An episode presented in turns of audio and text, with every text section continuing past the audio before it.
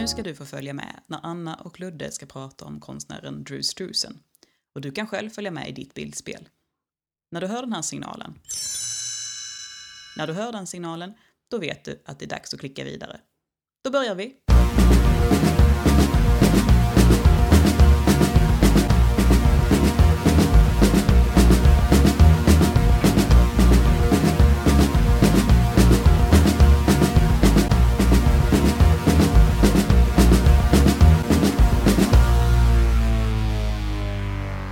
Och välkomna till Extrapodden. Det här är avsnitt fyra och den här gången så kör vi en liten specialare. Vi ska ha ett eh, titta, lyssna, lyssna, läs avsnitt. Fast det blir mer titta och lyssna i ert fall och inte så mycket läs. Ni ska få hänga med nere i ert lilla bildspel som ligger i vårt avsnittsinlägg. Och där ska ni klicka fram så som jag har angivit att ni ska göra. Idag pratar vi om Drew Struzan, mannen som har designat alla filmposters du någonsin har tyckt varit snygga. Och med mig så har jag Ludde. Det har du. Hej, hej Anna. Mm. Tala till mig. Hur är det med dig? Det är varmt. Det är varmt. Det hör väl säsongen till. Vad sa ja. du? Men du har din dricka. Ja, vatten. För det är det man ska dricka. Så är det. Är det. varmt. Mm. Ja, inte, helt... inte saker som är vätskedrivande. Nej, nej, för tusan. Speciellt mm. inte när vi ska sitta här och podda och ha det mysigt i Precis. flera timmar. Oj, är det så? Oj. Så blir det. Mm. Drew Struzan alltså. Du har honom på, på dina väggar där hemma. Lite därför jag valde dig att vara med idag. Ja, i alla fall, jag har han... Han, han är... Jag trodde jag hade honom på två väggar, så att säga. Men du har ju undervisat mig, och det kommer vi prata längre om, om i avsnittet, det är faktiskt bara en vägg jag Precis. har honom på. Eh, och, och Ska jag prata om den här ska prata om den här lögnen du har levt i. Ja, och sen så tror jag också att det är många, många med mig nu, eh, så fort vi, vi börjar... Ja, nu kanske folk vem är det? De har, du har sagt att det är han som har gjort alla filmaffischer man tycker är snygga.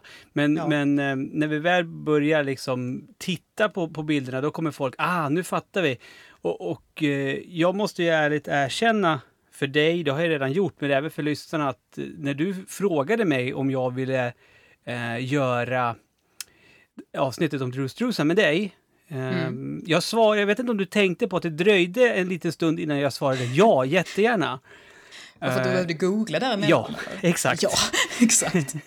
ja, men så är det. det alltså, så den här typen av populärkulturella celebriteter, de får ju inte cred i den breda benämning som vi kanske är vana vid att konstnärer kan få. Mm. Han är ju lite av en doldis Mm. Men sen så förstår man att ah, alla de här, alla de här snygga, alla de här bra som jag alltid har gillat, det är samma kille. Mm. Det, är mm. inte, alltså det är inte flera stycken olika som har jobbat i precis samma stil för att den stilen var den som rådde back in the late 80s och early 90s, utan det var faktiskt en och samma.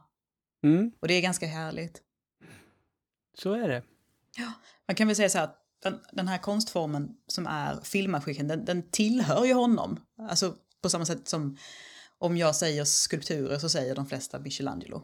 Och säger man filmposter så säger de flesta kunniga Drew Struzan. Han, mm. han äger den, han är den konstformen, den, den hör till honom. Ja, precis. För jag menar, ofta så är, kan ju filmaffischer handla om att det är en logga bara, eller så är det ja. liksom ett, ett fotografi från filmen ungefär. Ja. Eller så är det någonting som är målat. Eh, och mm. det, det, är väl det som särskiljer de här filmaffischerna ifrån standardfilmaffischer. Ja, Nej, om vi tittar på de eh, liksom, Photoshop-olyckorna som vi har idag, så det här är ju ett, ett konstverk, ett hantverk. Mm, mm. Otroligt välgjort. Han är ju helt eh, femjävlig på det här med kompositioner, att ha idéer, eh, att jag arbetar med färger, med, med den här speciella Drew Struzan lystern som jag kommer att kalla den. Jag kommer nog säga lyster väldigt mycket i den här podden. Ja, okay. Eh, kan bli så att ni tröttnar på mig att jag säger lyster så väldigt mycket. Och, och, men jag, men då, jag då, om, om det är så att de tröttnar på det, då kan mm. de ju liksom göra det till ett litet drinking game. Exakt. Um. Varenda gång Anna säger lyster så får jag dricka min, mitt vatten. Ja, vilket precis. är det jag dricker. Inte något vätskedrivande. Nej, precis. Inte då. Nej, han är, ja, vilken, vilken man, vilken man, vilken man. Ska vi köra igång då? Det tycker jag. Jag är väldigt spänd på, på att se hur, hur detta kommer eh, arta sig. Hook, den vet jag att du eh, känner starkt för, eller hur Ludde? Ja, det är väl en sån film av Spielbergs filmer som jag tycker är underskattad. Som fick... Eh, kändes som att den fick ganska mycket skit, men det känns som att de flesta när man pratar om den idag så uppskattar alla den och speciellt Rufio. Ja, alla minns Rufio. Ja, Jag har det- inte sett igenom den här filmen ordentligt. Alltså, jag vet- jag har sett den när jag var så otroligt liten så jag inte riktigt minns den. Men den ligger på min sån här lista över att hittar jag den någon gång på DVD så hugger jag den direkt. Men det har jag inte gjort. Nej. Jag har ändå letat i 15 år liksom. Oj. Dåligt, dåligt, dåligt. Mm. Det är rätt så roligt. Jag har ju, jag har ju fördjupat mig i Dear Strusen så att eh, nu är det ju jag som kommer att skola dig i en massa roliga anekdoter här Mm, hans liv mm. och hans konstnärskap. Och du kommer bara sitta och tindra med ögonen. Mm. Vilket lyssnarna kommer att få föreställa sig. Men Ja, om ni tittar precis. på bilden här.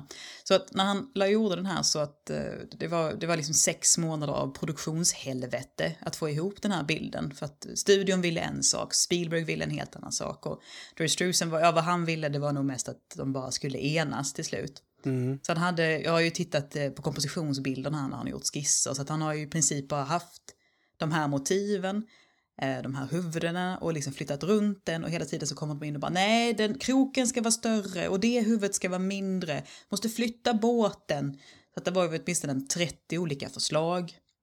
Mitt i allt detta så kommer Julia Roberts in och är sådär att hon måste vara och påstår att hon måste vara lika stor som Dustin Hoffman och Robin Williams.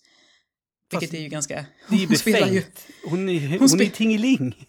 Hon är Tingeling, hon är Tinkerbell, då ska hon ju vara liten liksom. Så, att han fick, så fick han i sista sekunden förstora upp henne och så bara Mm. Helt svettig. Det var väldigt fint också för att han, eh, han har ju gjort väldigt många av Spielbergs filmer. Jo. Och eh, han han kom liksom, Spielberg bjöd in honom till själva produktionen liksom på så här, ja men du vet, jag, nu vet jag inte vilket filmbolag som Spielberg låg på just då eller vad han är nu, men liksom inne i någon sån enorm studio där de har byggt upp alla de här sjörövarskeppen. Och så kommer Drew Struzan in där med sina skisser och bara jaha, okej. Och Spielberg bara så här, stopp allt, stopp allt. Nu så ska jag titta på några skisser här i, i några minuter liksom. Mm. Och vad en sån produktion kostar per sekund vill man ju inte tänka på, men det, det gör ingenting för Spielberg är Spielberg. Mm. Och han berättar liksom att Spielberg går bort till honom och tittar och är väldigt engagerad liksom och tycker och tänker. Medan Robin Williams står i sina gröna pantalonger en bit bort och tittar surt på dem och bara så här, vem fan är den här snubben som bara kommer och bryter hela inspelningen. Ja. Det är lite fint. Alltså, jag, jag, får jag bara komma med lite, så här, eh, Ja. lite, lite reflektioner nu när jag tittar på, på den här filmaffischen. Sånt Mm. som jag, jag känner att det hakade jag upp mig på nu, hur, hur jag tänker. Jag menar, du pratar om liksom att de pratar om ja, men, vad namnen, eller vad de ska Mm. stå och så här, storlekarna. Då är det intressant att se att det är Dustin Hoffmans namn som är längst till vänster.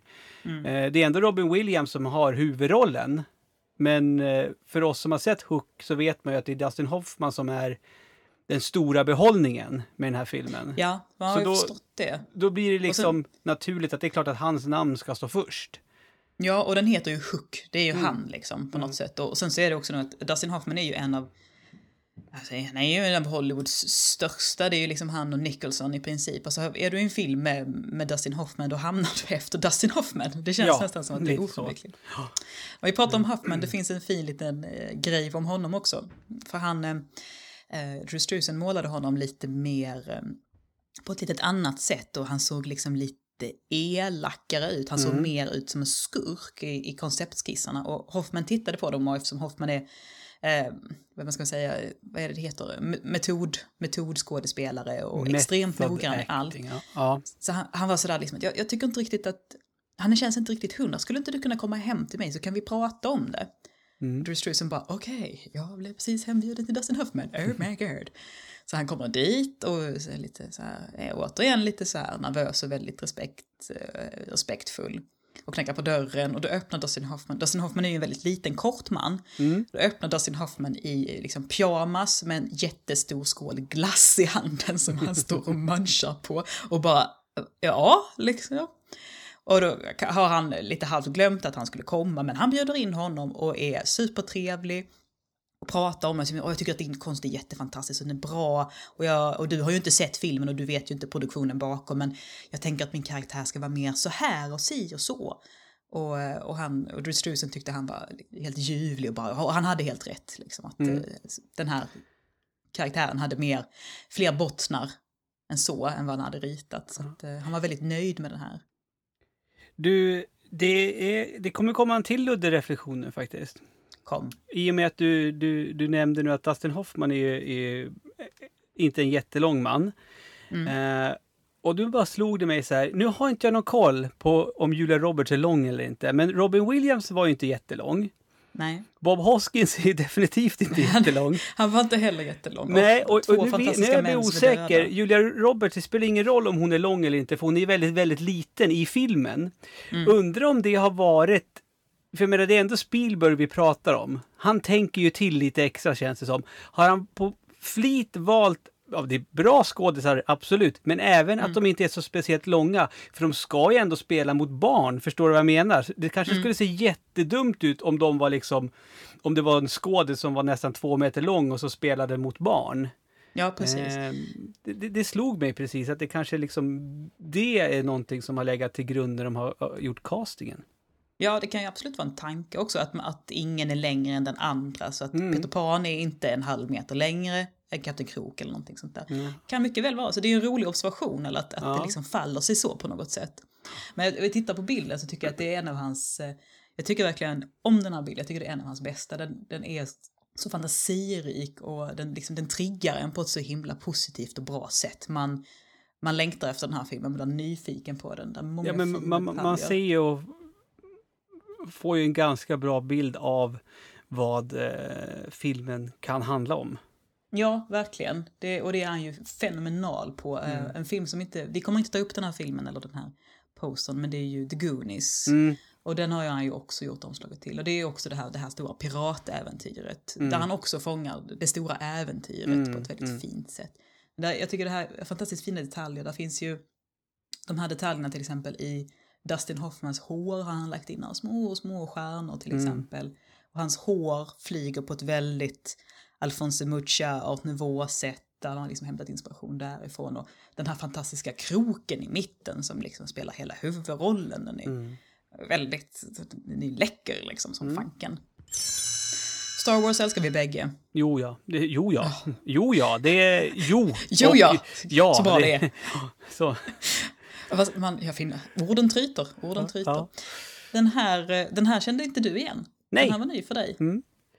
Valt den lite just därför, för att den, eh, den, den, är, den är ovanlig så att säga. Det är inte så ja. många som känner till den. Nej. Eh, Och, kan man gissa att den här kom 1987 eller? Man kan gissa och jag är lite osäker eh, på den här. Men jag, jag, tror att han gjorde den när det begav sig, så att säga. Att det inte är en retro-grej. Jag, jag, tänkte mest på att det står the first ten years. Jag tänkte om det var liksom... Den mm, filmen det där, kom 77. Det där tror jag, är, jag tror att det där är pålagt efter. Eh, ah, för okay. att om jag tittar på hans stil så kan man nästan se det. För att när han, gjorde, när han drog igång och började göra de första Star Wars-filmerna och kom i kontakt med, med George Lucas så var han väldigt inspirerad av en konstnär som jag gärna vill tipsa om. Jag vill, liksom bara, jag vill få säga hans namn och det är J.C. Leyendecker som mm. har en mm. väldigt speciell teknik. Han var en av USAs stora reklam och tidningsillustratörer eh, back, in the, back in the heyday. Det är inte den Jay-Z som är tillsammans med Beyoncé va? Alltså jag... Äh, skulle förvåna mig ytterst med tanke på att han var vit homosexuell man som ah, okay. levde. Nej, då och hade sin... För jag tror hon är tillsammans med, han är hiphoppare. Nej, nej det känns ja. inte. Nej, okej. Okay. Mm. Ja, nej. Nej. Mm. Nej, han, han, han kitar ju bara och är otrevlig.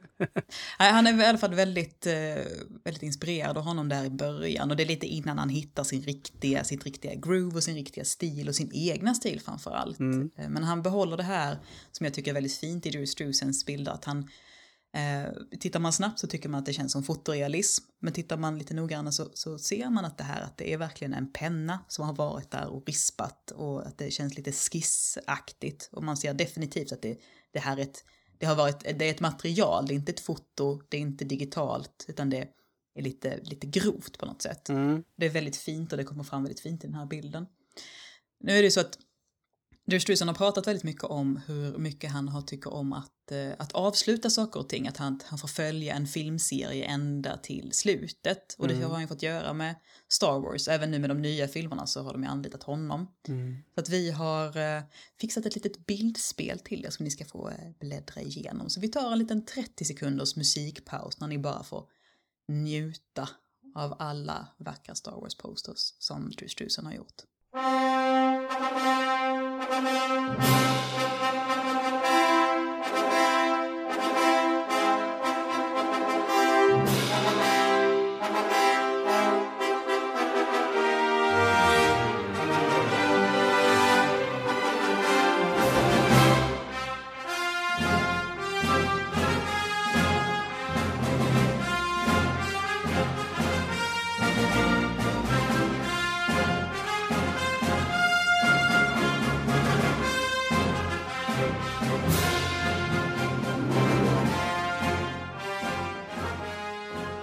Innan vi går vidare nu Anna, så, så behöver jag göra så här luddereflektioner igen. Ja. Eh, dels vill jag säga att det tog mig alltså, säg 35-40 sekunder innan jag faktiskt såg att det är Darth Vader i bakgrunden. Ja. Och det, det, det, det, var häftigt. Men sen så känner jag också att det känns även som att eh, Drew Struzan eh, gjorde, han var lite, inte, inte Nosferatu, vad, vad heter han? Nostradamus hette han va? Som såg i, fra, i framtiden. Ja, Ja, eh, för att om man kisar lite granna och så tänker man Alec Guinness där uppe och så Dödsstjärnan, då har vi fan i mig Musse Pigg-öron på Darth Vader. Åh, en bra reflektion där. Jag visste att det fanns en anledning att jag med dig i podden. Nu blir det en av dina darlings, Ludde. Vill du, vill du säga vad det är? Är Big Trouble in Little China. Ja, Ludde. det, det är det. Ja. Jag, jag sitter och gapar här. Eh, jag har ju aldrig sett den här bilden nu so- som vi tittar på utan, utan loggon. Log, log, log, sant. logotypen och sen eh, Ja. all, all information om vilka som har producerat och skådespelat och sånt där. Mm. Eh, det här är ju hands down en av mina bästa filmer ever.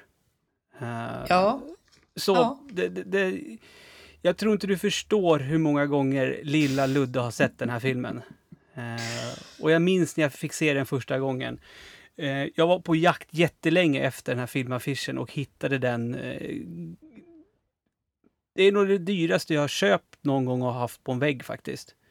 Tror jag. ja jag kan tänka mig att sån, en sån rackare kan eh, springa Ja, iväg ganska Jag är mycket absolut, kostnad. absolut inte en original, men det var, det, alltså. Big Trouble Little China kanske inte är det första motivet som nätbutiker har. I alla fall Nej. inte då när jag köpte den, för det är jättelänge sedan jag inhandlade den här.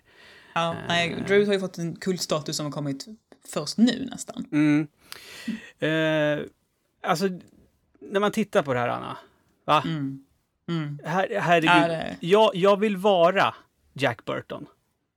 Speciellt i Ehm. den här bilden. Ja, och, och det, det som står, taglinen på, på filmaffischen är ju eh, Jack Burton is in for some serious, serious trouble and you are in for some serious fun. Ah, Ja, ja, rackarnsa, Alltså, fick det- de till det? ja alltså man Ja. bara vill eh, vara med där. Ehm, ja, det, det, det, det. Ja, nu, nu har jag, nu har jag fanboyat tillräckligt över den här bilden. Anna, har, har du information om den här bilden som, som kommer göra att jag älskar den ännu mer tror du? Ja, ja. eh, jag, jag, jag, jag gillar ju inte den filmen sådär supermycket. Jag tycker den är så här. Jag tycker att han har gjort, det här är en av hans absolut vackraste filmposters. Jag tycker det är imponerande Mm. att han gjort någonting vackert av en så ful film. Jag är ledsen, jag vet att, jag, jag vet att det är inte så att jag svär i, liksom i kyrkan, det är snarare att jag står liksom och skjuter en kalasjnikov rakt upp i taket och bara... Och sen bränner du ner så. kyrkan efteråt. Ja, Ja. exakt. Slår igen dörren efter mig och tuttar på. Mm. Men eh, ehm, jo, det här, eh, det här är Carpenter. Och Mm. eh, det var, återigen så var Drew Struzan fast mellan vad Carpenter ville och vad studion ville. Mm. Framförallt så var det ju så att studion ville ha med allt. Alltså verkligen göra total jävla overkill. Det skulle vara de här eh, kineserna, det skulle vara lastbilen, det skulle vara ninjor, det skulle vara att de simmade. Så att han, återigen så fick han liksom pussla och klippa och dona och fram och tillbaka hur länge som helst och han var riktigt svettig över det. Mm. Eh, men det, är- det är ändå, han, eh, han, han säger så här att, att eh, folk älskar dem för att, för att de älskar filmen. Mm. Eh, och, han, och han säger att jag älskar den här bilden för att den har varit god mot mig. Mm. Alltså den har, eh, den har genererat mycket kärlek, så att Mm. säga. Och, och det förstår man ju. Ja. Den, den är otroligt vacker. Ja, och, och jag tycker också det är eh, intressant också eftersom som du nämnde, det är Carpenter som, som har regisserat den här filmen och mig vetteligen så eh, filmaffischer från John Carpenter ser ju inte ut eh, på det här sättet. Vanligtvis, nej. Nej. men det är ju för att han i vanliga fall gör ju inte han sådana här filmer heller. Och, nej, och den då, är ganska ovanlig för Carpenter-film. Ja, och då, och då tänker man liksom så här, ja, men då... För jag tycker John Carpenter är en otroligt begåvad regissör. Jag älskar John Carpenter. Eh, inte det han har gjort på senare år dock, men det, är liksom, det han gjorde på 80-talet. Jag, jag, jag, jag slukade allt med hull och hår eh, och tyckte det var liksom briljant. Men, men eh, det här tycker jag också är ett, ännu ett bevis på att, att han är en skitbra regissör. För han vet, nu gör jag den här typen av film. Då är det Strusen som ska rita filmaffischen. Punkt slut. Ja, precis. Han vet att uh, Strusen har ju väldigt mycket humor och en Mm. väldigt fin känsla för detaljer. Om man tittar, tittar på Kurt Russells feja liksom. Mm. Ja, Han, ser, han är ju dum som en plywoodskiva ja. i, i filmen och man, han får ju verkligen fram det här dumma liksom. Bara en sån sak som att han, komradio som han står och ska prata i. Jag vet. Har sla, den, är, den är av sladden. Det är och han har liksom, stor jävla kniv rakt nedstucken i byxan. Och, Ja. ehm, och man ser, det ser väl ut som att en av knapparna i, i, i brallorna är oknäppt. Ja. Och, sådana fina detaljer som säger att det här är en hjälte som inte har sådär stenkoll. Nej.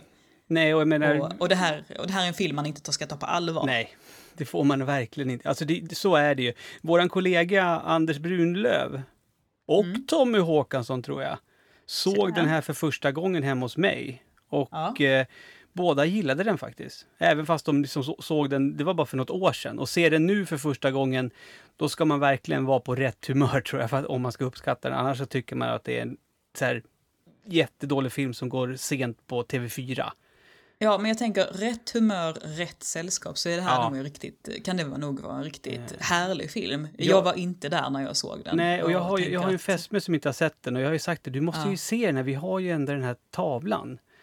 Jag, jag, Så du vet vad det handlar om. ja, fast jag vet inte riktigt om jag vågar. Tänk om hon inte gillar den. Tänk, om, tänk om hon inte vill gifta sig med mig. Ja, precis. Big Trouble in Little China. And who could blame the girl, honestly. Hellboy alltså. Mm, Honom skulle jag vilja gifta mig med. så pass? Ah, han är ju en röd, stor hunk. Ja, ehm, ja. nej, han han är ju otroligt sympatisk. Faktiskt, är han. han. är ju det. Det, Han det, är- det, det är väl det som är lite roliga med, med just karaktären Hellboy. Att han ser ut är som han gör och sen, och sen är han liksom, ja, ja trevlig, trevlig, jävligt trevlig snubbe. Ja men så här, en average Joe liksom, Ja. som står och bråkar med sin flickvän åt. Jo, man kan visst det ha Al Green på CD-skiva, kassett och vinyl. Ja, precis. Inga konstigheter. Mm. Det här, eh, Guem, jag, är ju, jag är ju svårt förtjust i Guillermo del Toro, eh, som har regisserat Hellboy. Mm, mm. Och eh, Guillermo del Toro är ju en, en, en finsmakarnörd i, i sina Exakt. knubbiga små fingerspetsar. Exakt. Han, han vet eh, allt om allt och är väldigt passionerad över det. Så att han gick ju såklart direkt till Drew Struzan Mm. med det här uppdraget och sa på sin fantastiska mexikanska läspande brytning att han skulle göra den här filmen och han ville att han skulle göra postern. Mm. Sen kom studion såklart och pajade alltihopa. Som det alltid är med sådana här eh, historier. Eh, Mm. Det, verkar vara, det är liksom Drew Struzans återkommande tema. Vi hade en bra grej, jag och regissören. Sen kom studion och pissade på allt. Så Mm. att eh, han, ja, de, återigen så tog han fram en massa olika koncept och studion var där och vägde in och var bara så här, nej, vi vill ha, du måste köra mer safe, nu är det för mycket, för, det är för mycket som konst, det är för konstnärligt, du måste visa upp sånt som vi känner till, det ska vara de här klassiska svävande huvudena som visar upp vilka karaktärerna är och vilka skådisar det är och vi vill att du, du måste köra mer safe. Och eh, när de väl hade producerat den så ville studion inte använda den för de sa att nej, alltså den här är ju, den är ju för jord. Det har Mm. vi sett förut. Mm. Ah, suck, blir man trött eller? Jo, men och det är ju ett typexempel. För Hellboy är ju, är, är ju en sån film där filmaffischen typ är ett foto. Ja, verkligen. Med Eh, loggan ju, på. Det är ju, jag har faktiskt den här för att jag köpte den här Fancy Pansy 2-diskutgåvan. Så Mm. att jag har faktiskt ett sånt här, det här pappersfodralet som är runt om som man Ah. liksom drar av Och då är med det, den här. då är det, då är det den. Ja, Ja, och det var ungefär det den användes till. Så den användes inte ens som en filmposter. nej. Ja, their loss. Mm. Nu blir det genast mycket obe mer obehagligt här i podcasten känner jag. Har du också haft en dålig erfarenhet med den här filmen? Eh, fantastisk film, men fy helvete vad eh, den är så jävla vidrig. Ja, den är så mörk. Ja. Den är så mörk. ehm, Jag, att jag såg det med min pappa och Ja. vi trodde att eh, jag trodde att, och han hakade på för att han hade förstått att den filmen hade fått fin kritik, att ja men lite, lite mörk Alice i Mm. Underlandet historia. Nej, det här blir bra. Och så tittar man på den och så var det som att hissas ner i helvetet. ja, fy fan. Ett väldigt vackert sådant, men Mm. det var riktigt strängt Mm. att se den här filmen. Alltså, det, det, det här är absolut ingen podcast där vi, där vi, där, vi ger filmtips, men jag, jag Nej. känner att vi bör uppmana precis alla som lyssnar som ännu inte har sett Pans labyrint, att de bör göra det. det, Ehm, det är en... eh, Den är, det, det är en mörk och tung upplevelse men den ger otroligt Ja. mycket och den är otroligt vacker verkligen. Verkligen. Även Eh. här är det ju eh, Guillermo del Toro. Guillermo del Toro. Mm. Eh, återigen, han tyckte att det var för jävligt att han inte, att Dries Struzan inte fick det erkännandet i den förra filmen. Så att återigen så gjorde han ett försök. Han ringde honom direkt och visade honom en, eh, den, eh, ska man säga, icke-textade versionen av Pans labyrint och den är ju på spanska och Dries Mm. Kunde inte spanska men han fick titta på den och bara, och bara ta in den, tyckte den var fantastisk fast han inte förstod så himla mycket. Eh, och sen satt de och, och drack kaffe på någon diner eller någonting sådant efteråt och då ritade Drew Struzan upp exakt den här bilden superenkelt med blyerts på en servett. Mm. Finns att googla på Mm. eh, och bara skjuter fram den till, till Guillermo del Toro och säger att någonting sånt här skulle jag vilja göra. Och Guillermo del Toro säger direkt att perfekt, bara kör. Och sen tar Guillermo del Toro pennan, ritar in ett litet, litet porträtt av sig själv nere i hörnan på den här servetten med bilden som ett slags I approve. Mm. Mm. Den är väldigt fin. Det borde, det, det borde du faktiskt eh, googla på. Mm. Och eh, återigen så använder studierna inte bilden. Nej, det... Ja, jag tror att den, det finns, eh, det finns någon slags, eh, så vitt jag har förstått det här, nu får man gärna rätta mig för nu kan jag ha fel, jag känner att jag inte riktigt har torr på fötterna om att eh, det finns en, en LP med den här musiken från Pans labyrint utgiven. Och den användes till LP-skivan. Snart Men kommer studie, folk folk ehm, Vad fan har de gjort en podcast om den här snubben för? Han, han får ju aldrig, han får ju aldrig några gigs. Vet, vi, måste, vi måste börja här, du vet, när han harvar på. Det här är ju ganska sent i hans karriär. Ja, det är det. Att han inte får igenom de här grejerna är ju väldigt mycket för att eh, datorerna har kommit och tagit över. Ja, Så vi, så vi jobbar oss mot glansdagarna, Ja, tänker jag. vad bra. Nej, det gör vi inte. Vi bara tar det pö om pö. Ja. Vi, vi, vi slutar där det är som bäst, så mycket kan vi ju säga. Ja. Nej, de, studions argument var att eh, det är för mycket som konst. Och därmed så föll alltihopa.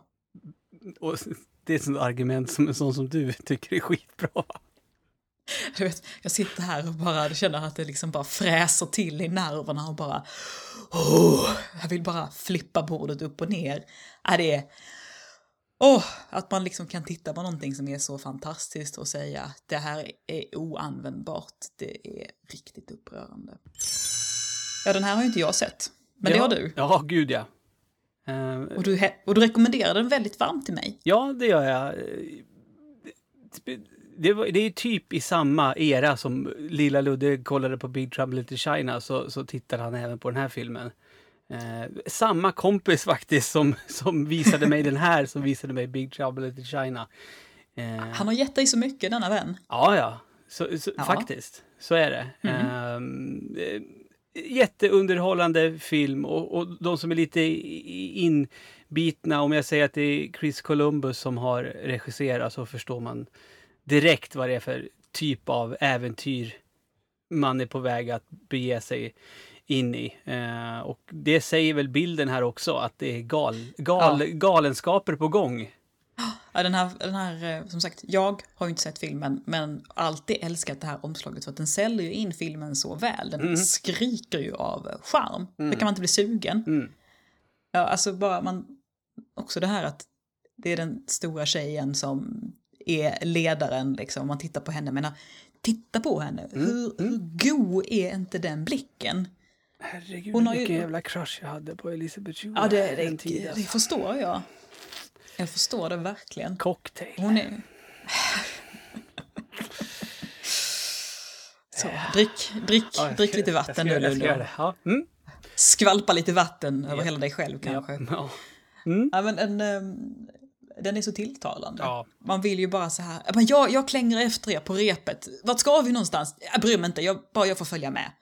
Ja. Eh, de hade dock problem med den här. Eh, där var nämligen, om, man tittar, om ni tittar på bilden och tittar längst ner till höger eh, på den här repstumpen. Så var där en teddybjörn tidigare i den första, första utkastet. Och, och det, den hade liksom följt med igenom alla skisser, den hade blivit godkänd, den hade följt med. Och när han har gjort den färdiga bilden, alltså målat på ett stort jäkla papper, då säger de lose the teddy, ta bort teddybjörnen. Så han måste sitta och skära ut den med kniv och sen måla över och försöka få det att se jämnt ut. Alltså det var... Jag som faktiskt är konstnär, jag liksom blev så här när, man, när jag läste det här, Lose the Teddy, så bara... Det, är en jättesvår sak de Mm. ber om. De förstår inte vad det är de ber om och hur orimligt det är att säga en sån sak. Men han fixade. Han skar bort den där jädra teddybjörnen och ritade in en platt vägg istället. Han gjorde även staden bakom dem mycket, mycket större. Den var betydligt mindre från början. Ja, men, men, men, men, men som tur var så användes ju den här bilden sen i alla fall. Ja, den inte- har jag faktiskt använt. Ja. Exakt. Det är rätt deppigt det här blir egentligen. Ja, och det är också så när jag har läst eh, en, jag har en riktigt stor fin konstbok med honom. Jag har även läst en annan som jag, inte har, som jag dock inte äger. Och det, det går ju som ett mörker Ja. genom hela tiden. Att det, det finns ju de här stora triumferna att få jobba med George Lucas, med Steven Spielberg och Mm. Zemeckis och, och verkligen älska det. Men också att, att bli så utnyttjad Mm. och använd och sen inte få credden för det. Nej. Så att eh, där, där finns helt klart Ja, jag menar, en... ja, men Ja. den här liksom kom ju 87. Jag menar, han har, han har ju redan gjort Star Wars-trilogin. Han har ju gjort två Indiana Jones-filmer liksom. Mm, Han, han borde ju liksom vara... eh, Alltså det det jag känner, jag blir lite så här, men vad fan, han, han borde ju ha mer att säga till om, tycker jag. Ja, nej han har inte ett skit att säga till om, det har man ju förstått. Det är lite som du på Det svampriket. är lite som jag. nu när jag tänker efter. Vi bara använder dig ju. Det, det, den som liksom sysslar med konst, den, den, får, den får ta skit och bara okej, ja, men jag gör så då, okej, ja, ja. Ja, fine, Ja, så är det. Kulturarbete alltså. Eh, Du trodde att det här var något nytt arbete? Ja det trodde jag. Så är det, här hade du fel. Och jag, jag bara älskar när folk har fel så att jag får rätta dem och vara riktigt dryg. Nej, det här var faktiskt när det begav sig. Eh, och det är ju inte många som känner till den här eh, överhuvudtaget. Jag hade inte sett den någonsin innan jag hittade den i en av de här böckerna. Och, och bara så här, oj, det här måste vara tidigt för att det här är lite annorlunda än hur han brukar arbeta. Mm. Eh, För den bilden som de flesta tror är en Drew Struzan-bild, som man känner igen den första Indiana Jones-filmen, det är ju den här när han tittar in lite spjuveraktigt liksom, och möter ens blick och han har piskan över huvudet. Ja, Och, det är, det är ju den liksom jag har en- på min vägg som vi pratade om Exakt. i början. Eh, och det är som en stenvägg bakom honom. Och vi, vi satt ju här och pratade innan och du var så här, är inte det en Drew? Så bara, nej men titta på den. Mm. Och då gjorde du det. Och ja, Det syns rätt tydligt. Att det inte är det. Mm. När man väl tänker på det. Ja. Och jag menar de två, den bilden och den här, är, den här bilden är ju så otroligt mycket mer mörk. Eh, Den är väldigt annorlunda. Ja. Eh, och den känns inte sådär... Eh, det, för det är ganska roligt för att de andra två till, till eh, Indiana Jones 2 och 3, Där är det Drew Struzan. Mm. Eh, Och de bilderna, de som man poppar upp i ens hjärna när man tänker på filmposten, så det är han, det är helt rätt. Mm. Men den första är inte han, Nej. utan det är den här. Eh, Men det var, ganska, det var ganska intressant när de gjorde den. För att eh, då fick han eh, två förmaningar från studion. Och de, delvis då att de inte ville att det skulle vara några svastikor med i bilden. Absolut inte. De ville ju delvis, så är det, ville de inte göra folk upprörda. Och delvis så ville de inte avslöja att det var nazisterna Nej. som, som var skurkarna så att säga. Och den andra förmaningen var att Karen Allen skulle vara lika stor som Harrison Ford. Mm.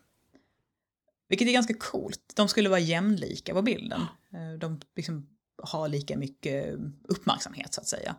Vilket är lite härligt för att det, annars brukar det ju vara att hjältinnan liksom, hon får liksom klänga runt benen på hjälten medan han står med piskan svingandes över huvudet i Men, princip. men det stämmer ju inte med den här filmen. Hon är ju inte en sån eh, kvinna. eller hon klänger ju på honom Ja, plenty, jo, jo. men det är ju för att hon inte vill trampa på ormar. Men då Ja, hade ja. jag också klängt Ja, på Harrison Ford. precis. Jag hade, jag hade klängt på Harrison Ford även om det inte hade varit ormar på golvet. Ja, Let's face it. okej, så är det.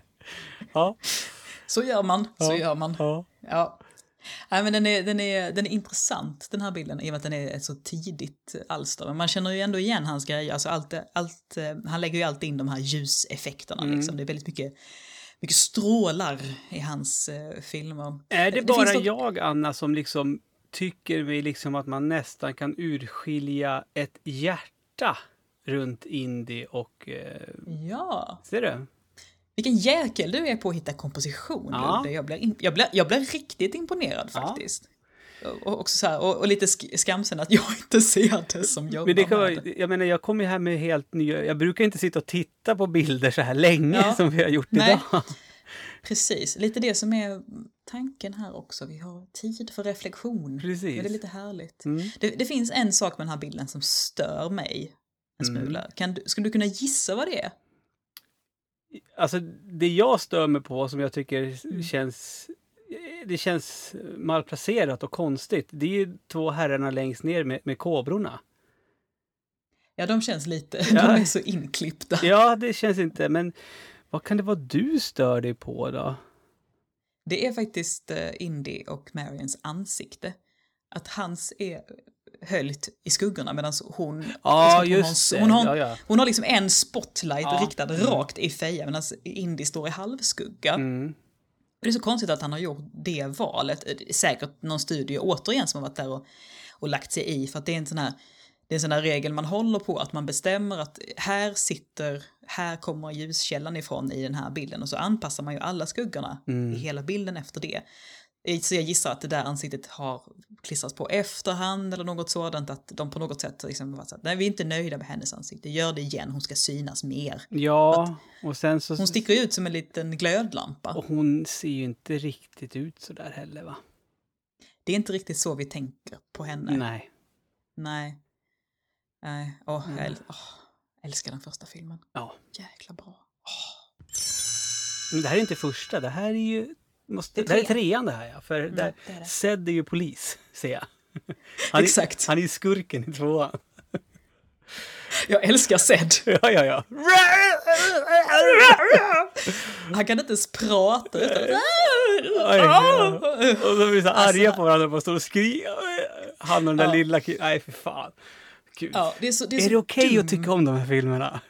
Ja, jag vet. Jag är precis likadan. Det är så jävla dum och enkel Ja. humor. Och, och många gånger är den liksom inte alls okej. Och i varje film så ramlar de in på gayklubb och så spelar Ja.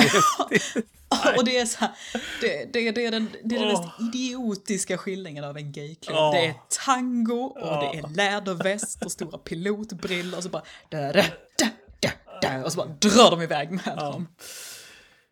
Det, det enda man får ge dem cred för att det är så här, de har åtminstone inte haft den där scenen, du vet, när de linkar in dagen därpå och har typ ont i arslet. Nej. Och det får man väl ändå, de är ändå så smakfulla. Det får man ge dem cred för. Ja, eller cred, men ja. Har folk, men det- har folk uppfattat vad det, är för, vad det är för bild vi pratar om, tror du? Det, det är polisskolan 3, det här. Ja, en fantastisk film. Så här. ja. Nej, de, ja, men de, de tre första har ju... Vi, vi kan väl Ja. nästan lova det här och nu. Är det så att folk som lyssnar vill ha det, så kan vi göra en extra podd sen. I alla fall på de tre första Polisskolan-filmerna. Ja, lätt. ja, ja.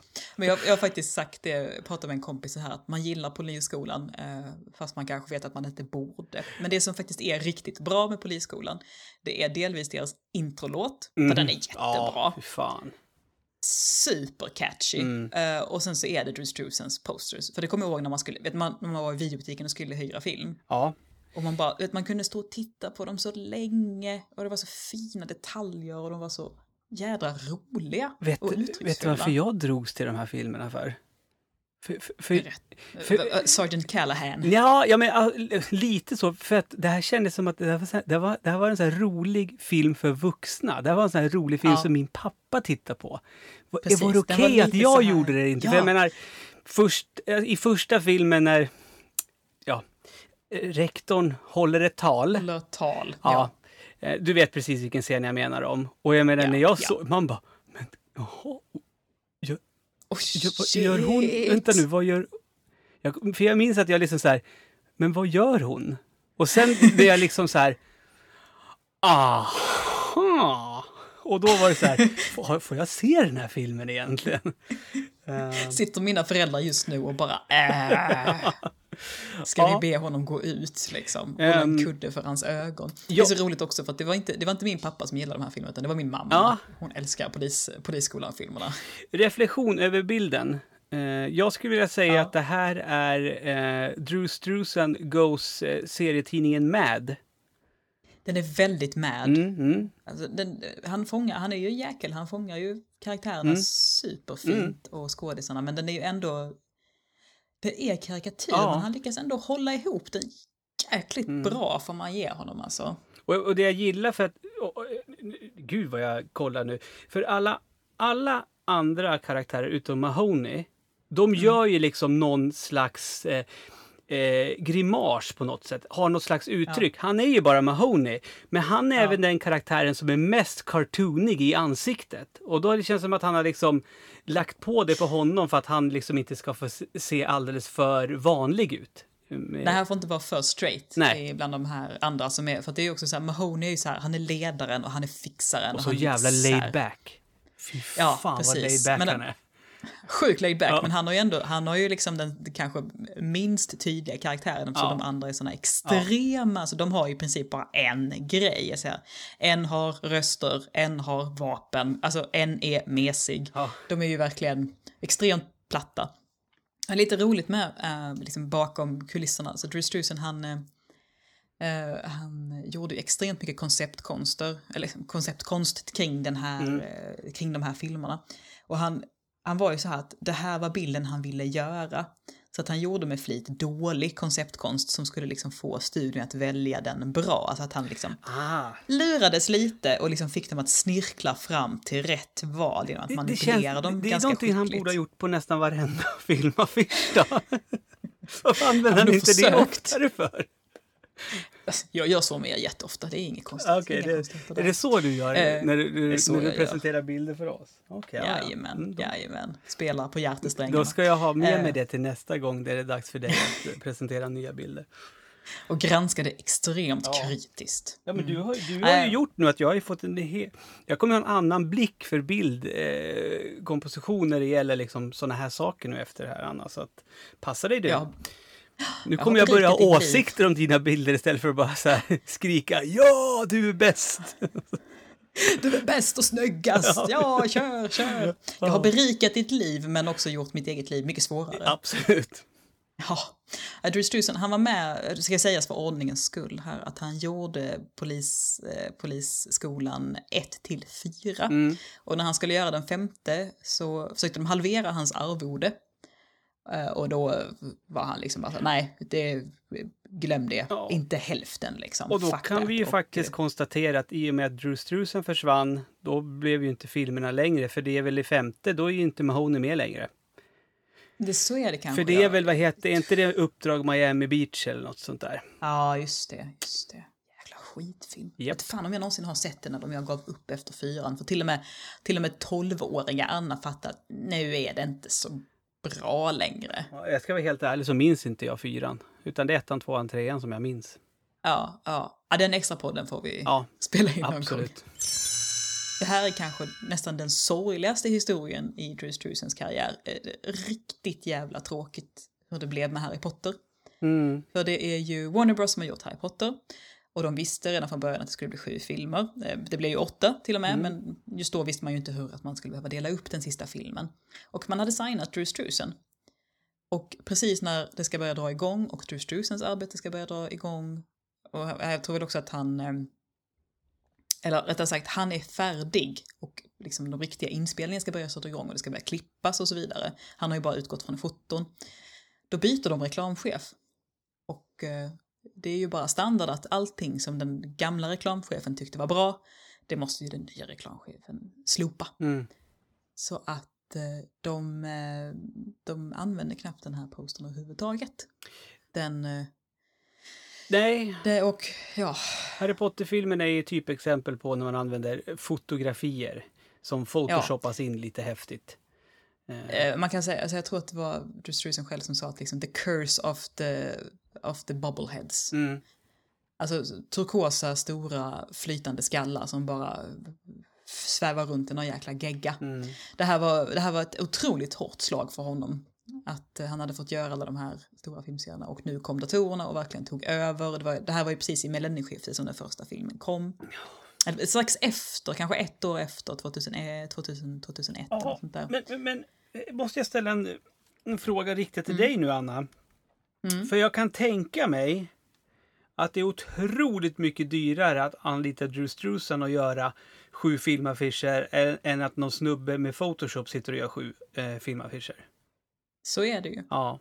ehm, Och också att man tyckte att de här filmaffischerna, den här stilen, den hör till, eh, det hör till 80-talet Mm. och det tidiga 90-talet. Vi går vidare nu, det ska vara ballt, det ska vara coolt. Och tittar man på bilden så, så, så är det ju återigen deras förlust. Det är otroligt fin stämning i den här bilen. ja, jag menar alltså den, den, den, eh, den är jätte, alltså den är vacker. Alltså det är så otroligt. Ja.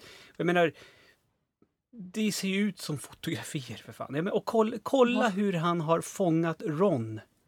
Ja. Va? Och det här, Rons, han gör sin feja liksom. Ja, men precis. Sen att Harry, Harry Ja. ser ut som Harry. Jag kan inte se på Harry att han egentligen är ganska värdelös och inte skulle klara någonting om inte Hermione fanns. Det syns ju inte på den här bilden. Eh, Det har inte etablerats lika tydligt Nej. än, det kommer sen. Nej men det är liksom det här, du vet, här börjar det. Mm. Man ser en liten bit av hans brev som han får, Mm. där han blir intagen. Och man vet ju hur viktigt det här brevet är, vad det här brevet symbolerar. Du har Hogwarts där i bakgrunden, du har Hedvig Mm. och du har de här, de ja, sex på sätt och vis viktigaste karaktärerna. Mm. Den är, den är otroligt fin verkligen och eh, väldigt, väldigt synd att de inte använder den till någonting. Ja, Drew Struzan han blev ju lovad att göra alla sju filmerna Mm. Och hade väl mer eller mindre redan fått kicken från projektet. Men hade påbörjat skissa på, eh, på film nummer två. Mm. Och gjorde klart den, fast han visste att den inte skulle användas och ingen ville ha den. Men han gjorde klart den på, på rent jävlar anamma och på rent tvång. Han var, kände att han var tvungen att bryta liksom med den här eh, filmfranchisen på något sätt. Och då gjorde han ändå klart den som, för att sätta punkt på något sätt. Mm. Men eh, ja, om man tittar på Harry Potter-affischerna som finns så är de väldigt tråkiga och väldigt turkosa. Och otroligt intetsägande, liksom det är lat, lat design. Ja. Och skittråkig. Ja, och jag, jag vet inte. Alltså, kan det också vara liksom tidens tecken? För att nu, nu behöver du inte... Alltså, när jag, alltså till och med när jag var liten, Mm. då, jag kunde ju gå till biografen och välja film på grund av hur filmaffischen såg ut. Men den här ser vi, Ja. den verkar bra. Det gör man ju inte nu. Nej, För nu finns internet. In- man, har, man, har tittat, man har tittat på teasern, man har tittat på trailer 1, trailer 2, kanske även trailer 3 och lite klipp Ja. och intervjuer. Men precis. Man vet precis. filmaffischen, den behövs inte på samma sätt längre. Så att, Nej, att, nej. Att, att, ja, det är sorgligt. För att jag menar, Och, ja, man vill inte sätta upp något fult på väggen heller. nej, exakt. Och, och jag menar, konst är konst. Ja. Och det är så synd att man, att man bara täpper till någonting på det Mm. sättet. Och sen också hur många, så hur stor del är det egentligen av en films budget som läggs på reklam? Då måste det finnas några ynka jävla dollars att skapa ihop till en duktig konstnär att få göra sitt jobb. Mm. Här är typ lite av ett undantag som bekräftar en regel känns det som. När jag har suttit tidigare i podcasten och sagt att eh, Strusan gör ju liksom inte eh, filmaffischer till typ, typiska John Carpenter-filmer. Eh, Men det är ju tydligt Med, att han gör med det. ett undantag. Ja, och inte, det är ju en typisk John Carpenter-film. Men det är ju definitivt inte en typisk Fru Struzan-affisch. Nej, precis. Nej, då, har jag inte, då, jag, då är jag inte helt fel ute heller. Då ville, Nej. då ville Carpenter, nu gör du någonting annat, Drew. Ja, Uh, det, faktiskt, ja, du ska få höra historien, Ja. men först vill jag bara prata lite om bilden. Man, man känner ju, det finns ju det här, de här, det här kristalltemat och de här strålarna, det här ljuset som är Drew Struzan, men i övrigt så känns den ju inte speciellt Drew Struzan. Eh, den, här, den här skiljer sig som fasen, för den är ju så avskalad. Mm. Det har inga detaljer alls. Och den gör, den är ju, den, medan alla andra har varit studios som har varit och förstora Julia Roberts huvud och Dustin Hoffman ska vara lite ner till vänster för, liksom för att sälja, sälja, sälja. För att det är, så här, det, är, det är piratskepp, det är krokar, det är alltid skattkartor. Den här filmen försöker ju inte sälja någonting, eller hur? Den är ju bara cool. ja, fast det, du, du vill jag rätta lite grann. Jag tycker att den här, den här filmaffischen säljer vi exakt vad, vad filmen handlar om och går ut på. Det är, för de som inte vet det då, så är det här... Ja, men, The alltså, jag som Thing. inte har sett filmen, kan ju, jag kan ju inte gissa Nej. vad filmen handlar om genom att titta på den. Du har, du har inte sett den här heller? Jag, har inte sett, alltså jag vet ju vad, precis vad den handlar om, Ja. men alltså, om man tittar på den, om man går in i den helt blind, Ja. så är det så här, okej, det är snö och and something fucking weird is going on. Ja, precis. Det kommer vara en person som typ är lite som Cyclops i X-Men fast han har inte kontroll på sina krafter. Exakt, Ja. han står och lite, lite häpet och bara boing! Och, och är det det man tror att filmen ska handla om, då blir man kanske gravt besviken. Jag vet inte. Ja. Eh. Men det är så coolt det här att den, att den inte, alltså den, den har ju ändå stora skådisar med, liksom Kurt Russell Mm. gör sin namn, men man ser ju inget Kurt Russell i den här. Nej. Det som, det som hände med den här, det är faktiskt en, det är en fin grej. Och det är att Carpenter ringer Drew Struzan. Och bara så här, hej, jag behöver en, jag behöver en filmaffisch. Eh, och jag behöver någonting som vi kan gå i tryck med imorgon. Aha. Ahaha, säger Drew. Och jag tänker, vad fan ska jag hitta på nu? Och du får också tänka på att det var inte så att man liksom så här, jag kör en snabb bild i Photoshop, mejlar över den till dig. Det var inte så det funkar där på 80-talet. Men, men, att- men John måste väl på något sätt ändå berätta för Drew vad filmen handlar om? Ja men det, alltså det han vet är liksom, det är snö, eh, det är aliens, skit går ner. Ja. Så Drew tar på sig sin, eh, sin täckjacka, sina handskar, går ut och ställer sig i trädgården och poserar så här. Eh, Och hans fru tar ett kort av honom. Han går in, det är som en polaroidkamera, Ja. går in, ritar av kortet, lägger till de här detaljerna med snön och med ljuset. Nu ska vi se den här, faxar över den. Back in the days. Till Carpenter. Och Carpenter svarar, kör! Imorgon ska den vara klar. Hej och. Hmm. Så han sitter hela natten och målar den. Då undrar jag, då blir jag så här nu, undra om, om det var efter, då måste det vara efter det här som sen Carpenter bestämmer sig för hur, hur eh, titel, titeln, The Thing, när den kommer upp i, i filmen. För det här ljusskenet som är från ansiktet, det är typ det, är typ det som är eh, Ja, när, när loggan titeln. kommer fram i filmen sen. Coolt. Ja. Ja, för det, det, var liksom, det är fantastiskt, han, han målar hela jävla natten. Och klockan sex på morgonen så kommer det en budkille Mm. och bara hej jag ska hämta en tavla och han bara du den är tyvärr inte färdig, du sätt dig ner med en kopp kaffe så får jag fortsätta måla helt enkelt. Så han målar i tre timmar till. Och sen så får han budkillen den och den är ju fortfarande alldeles blöt av, av färg. Så när de ska scanna in den så lägger man ju liksom ungefär så som vi har skannare idag. Ja. Så de lägger den ju sidan ner och de här, det sista han gjorde innan han lämnar iväg den det är att han stänker på den här vita färgen Ja. som är snön. Och den, liksom, den blir lite extra ut, utsmetad och lite extra kladdig för att den är fortfarande blöt när de lägger den i skannern och liksom klistrar fast Mm. den. Så tittar ni på den så ser ni att den är liksom lite, lite ut, utsmetad så att säga. Mm. Och det var en effekt för att den var fortfarande blöt när den gick i skannern. Jag vet inte om det fanns det något snuskigt skämt där. Den var fortfarande blöt när den gick in, när den gick in i skannen. Det är bara du som kan få Ja, till det, det finns någonting där tror jag. Det var, där, där är någonting, jag ska hitta det. Det här är ju ett av dina val. Ja, precis. Eh, och det, det, var ju när du gav mig uppdrag eh, eller upp, när du gav mig uppdrag att jag skulle medverka. När du frågade mig det, då, då sa ju du att vi skulle välja ut eh, ja, motiv som vi båda ville ha med och prata om. Och jag mm. visste ju inte att eh, det här var Drew Struzan som, som, som har ritat Sylvester så här. Uh, till, till First Blood. Fantastiskt drama som det är. Mm. Uh, det, det, är ingen, det är ingen actionfilm på så sätt, det här anser jag. Utan det är mer ett drama om en man som inte mår så bra. En riktigt trasig jävel. Ja, så är det Du vet om att John Rambo dör, va, i boken?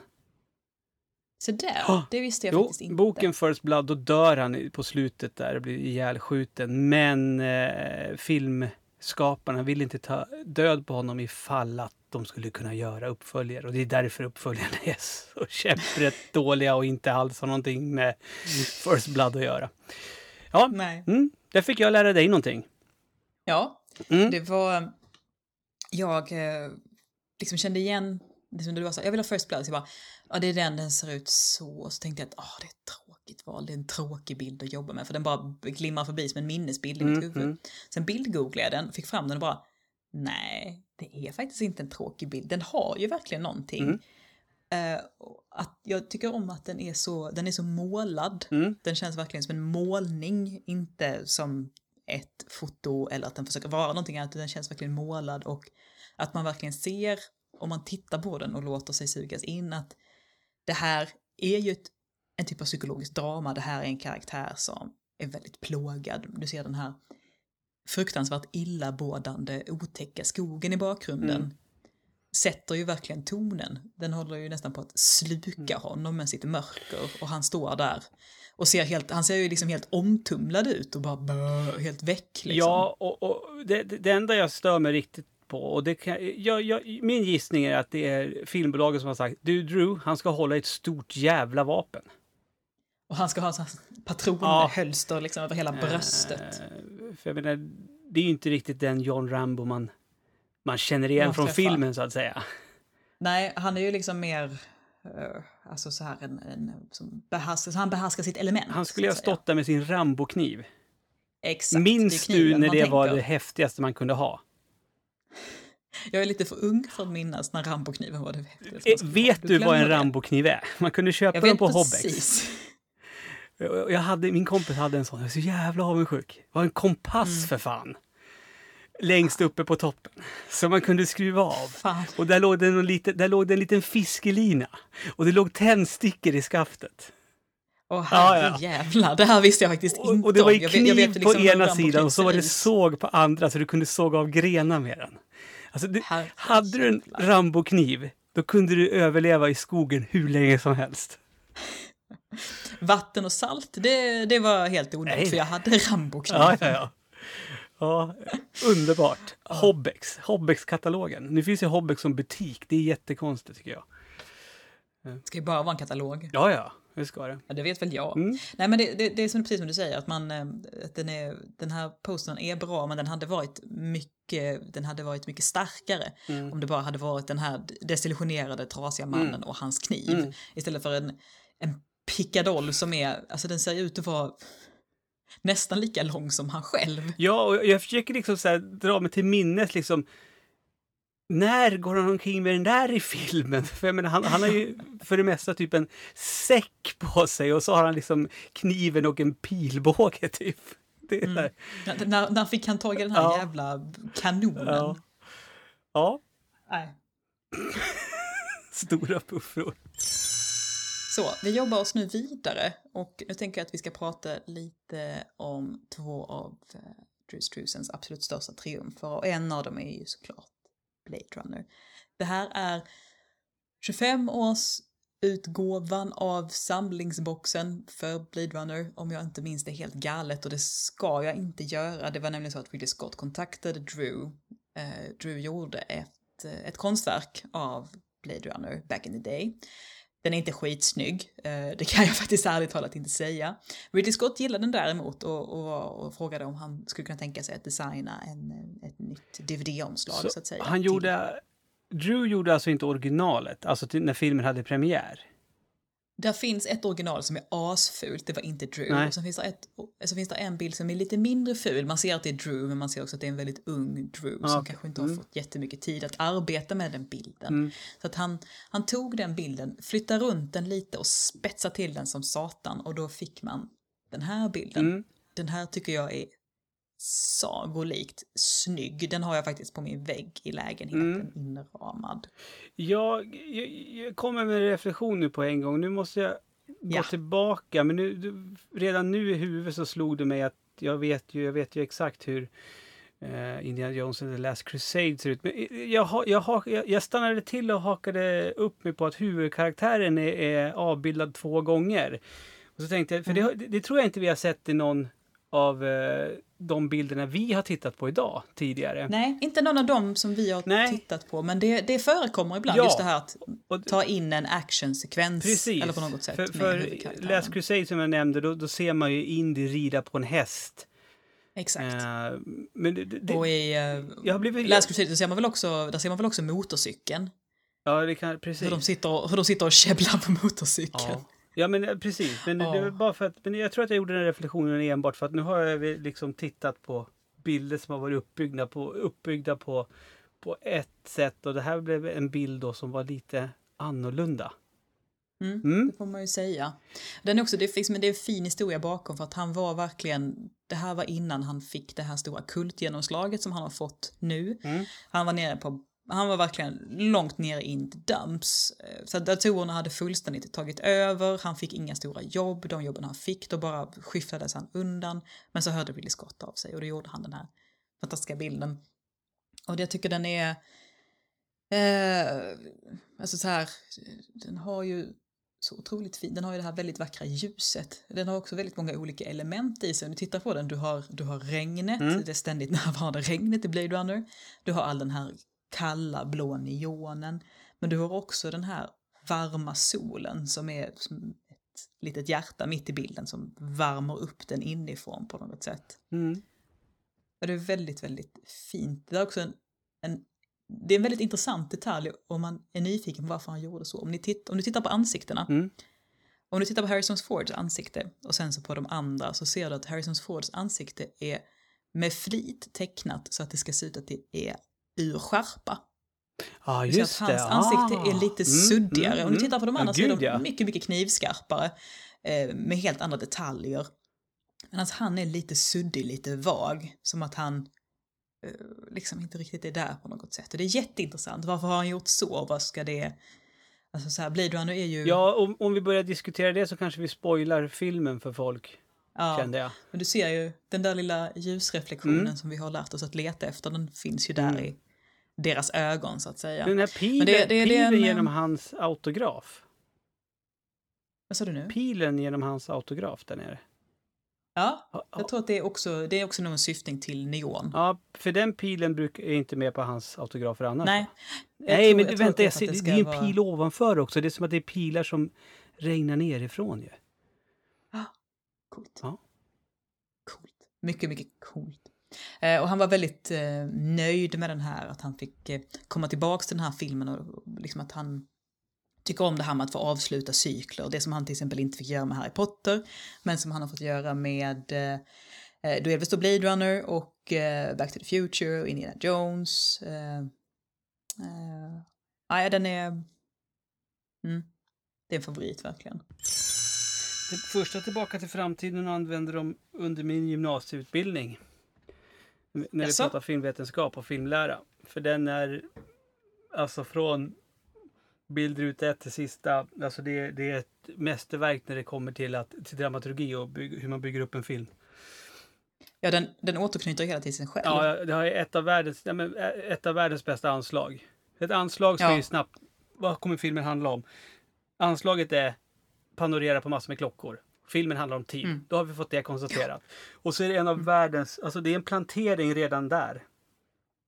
För i en av klockorna som nu planerar, planerar så hänger en liten gubbe från visaren. Ja, just det. Ja, men det, är, Det är ju briljant. eh, eh, visning till en gammal Buster Keaton-film. Ja, den, är, den, den filmen är verkligen, den är så jäkla Mm. Ja, jag- klippt. jag så- det är ingenting nej. som är onödigt eller överflödigt. Ja, det, här var, det här var ett väldigt kärt projekt för Drew Struzan. Eh, han fick hyfsat fria tyglar eh, han verkligen njöt och han fick väldigt mycket uppskattning och kärlek av delvis också Zemeckis men också av Michael J. Fox. Mm. Det är så fint för att det var en liten, en liten, liten anekdot om hur han gick förbi något rum någon gång när Michael J. Fox sitter och eh, jag tror att han blev fotograferad till någonting, kanske till någon av hans, eh, för de har ju tagit eh, foto, de här fotosessioner för att han ska få referensmaterial. Och då ser Michael J. Fox honom genom fönstret och bara "Åh!" stoppar allting, hoppar ner från stolen, kutar fram till honom och bara “Är det du som är Drew?” Jag älskar allt du gör. Mm. Du är en sån fantastisk idol för mig. Mm. Jag avgudar dig.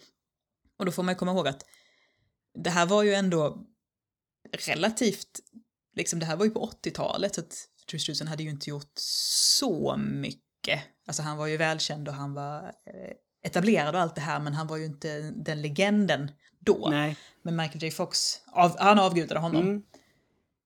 Ja, den är, åh, de är så härliga de här bilderna. Vi har, vi har lagt upp dem bredvid Ja. varandra också för att det, det, är ganska, det är ganska fint för att de tog, det var väldigt, väldigt många koncept innan de kom fram till den här första bilden där han står och åh shit, vad är klockan egentligen? Och då tror man ju att till film nummer två så är konceptet satt, utan då är det bara att lägga till en gubbe till. Det är så obvious, Ja. det är så självklart att det är så det ska vara Ja. det här, de här posterna är ju, alltså pratade om Drew Struzan och bara, men vem är Drew Struzan? Ja, det är han som gjort Tillbaka till framtiden-affischerna. Bara, ja, alltså det här är ju exemplet man ger, eller hur? Ja, jag, jag, jag, det det är är nog ju- Star Wars som jag, är exemplet jag ger tror jag. Eller Indiana Jones. Ja, det här, för mig, för Fast mig Indiana, Indiana Jones kommer jag sluta säga eftersom, eftersom han inte har gjort första Raiders of the Lost Ark. Eller inte den som är mest känd i alla fall. Nej. Eh, nej men det här är ju liksom exemplet man ger också att det, att det är det här klockan att det är ett, två, Ja. tre och det är en, två, tre personer och man liksom tycker att Ja, men är stopp här nu. Jag vill bara... Det, det, är det, det är nu. Först när jag har dem bredvid varandra, då bara... Men du, det är en, två... Jag vet att det är bara en och jag vet att det är bara två. Och jag vet att de är alla tre på sista. Men det är nu som det är första gången så... Ja, men det, det, det, är, det är del ett, två, tre. Det är inget konstigt. Det är liksom... nej precis. ja, Men man har inte tänkt på det kanske på det sättet. nej.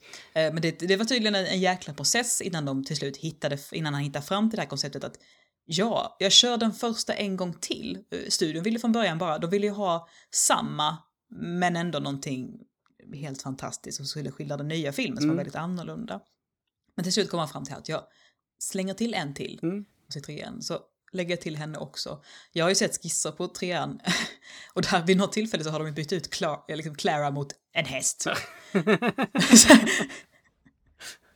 Man bara, eller så kanske ni lägger till henne Ja, som är den tredje huvudkaraktären. Hästen eller henne? Ja.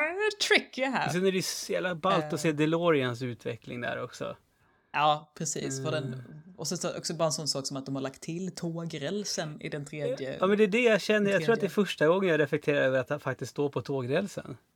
Jag tror inte jag har vet. tänkt på Men det är så här, innan. de här, Återigen, man behöver titta Ja. närmare på de här bilarna för att han är, han är så jäkla bra på att lägga in detaljerna Ja. liksom. Också det här att de hela tiden står och tittar på klockan och bara ah shit och så där, nu står de med fickur istället. Ja. Ja. Nej. Ja, den är, åh, åh, de är, man, man kan ju inte bli på bra Jag sitter och ler jättestort nu. Ja, det ska, det ska tydligen finnas någon, eh, om det är, jag tror, jo, det, jo så var det, en dokumentär om Drew Struzan och eh, Michael J Fox medverkar Aha. där, eh, liksom lite på äldre dagar Ja. och sitter och pratar sig eh, kollrig och löddrig Mm. om hur mycket han älskar Drew Struzan. Det tycker jag alltså Michael J Fox är ju så, åh, sympatisk man, Ja, hur kan man gud, inte ja. tycka om honom? Herregud.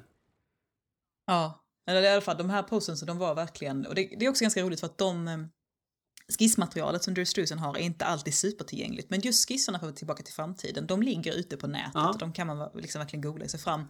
Just de här olika idéerna och koncepten som fanns, som inte är superstarka, men det är, konceptkonstböcker behöver ju inte vara det. Nej. Men de är ganska roliga att skissa, liksom så här, och bara titta runt och, och, och se att aha, han tänkte si, och han tänkte så. Och gud, tänk om det hade blivit en sån poster och, och halledag. Liksom. Så att, eh, det, det är ett tips, Mm. det får ni jättegärna googla. Åh, vad säger du Ludde?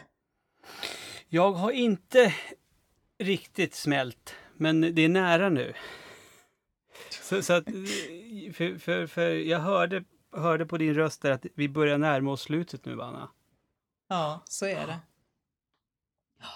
Du, du sitter där i din garderob och mår ändå relativt bra. Ja, jag... Eh, ja, det kan jag väl säga. Men har folk lyssnat så här pass länge på den här podcasten så kan jag nu säga att, att eh, jag har haft en fantastisk eh, podcastupplevelse. För jag har ju...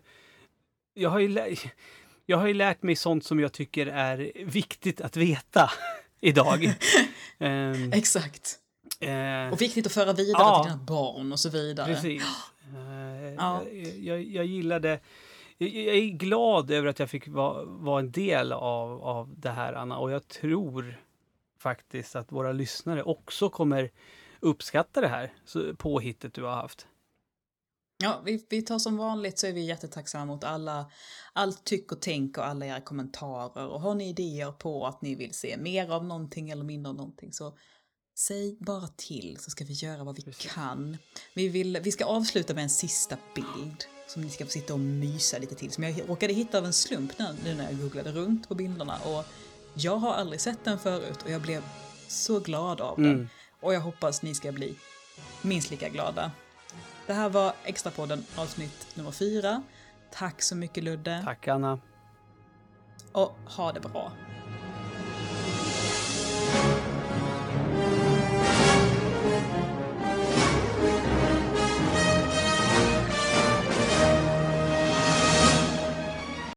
Ja men då kör jag. Jag ska se om jag kan sätta den på den första. Det vore ju fint om man kunde göra det någon gång. Det är klart du fixar det. Klart jag fixar det. Ah. Hej och eh, välkomna till Extrapodden, avsnitt 4. Idag har vi en eh, titta, lyssna, läs specialare, eller det blir mer eh, titta och lyssna i ert fall och inte så mycket läs. Ni kommer få hänga med i, i fuck jag tappade den. Ah, jag gör om den. Gör så. Det är en sån jävla... Åh, det ska hamna rätt. Fan. Hej och välkomna till Extrapodden. Det är avsnitt fyra. Det är en specialversion. Det är nämligen titta, lyssna, läs avsnittet idag. Fast det blir mer titta, lyssna avsnittet och inte så mycket läs för er del. Ni ska hänga med i det lilla bildspelet som ni har i avsnitts... Eh, ja, avsnitts... Fan! Vad säger man, Ludde? Inlägget. Inlägget. Avsnittsinlägget. Ja, det är väl ett giltigt ord. Ja. Kör, kör en till. Avsnittsinlägget. Skulle skrivit en bättre post-it. Ja, det här är produktionsvärde. Ugh.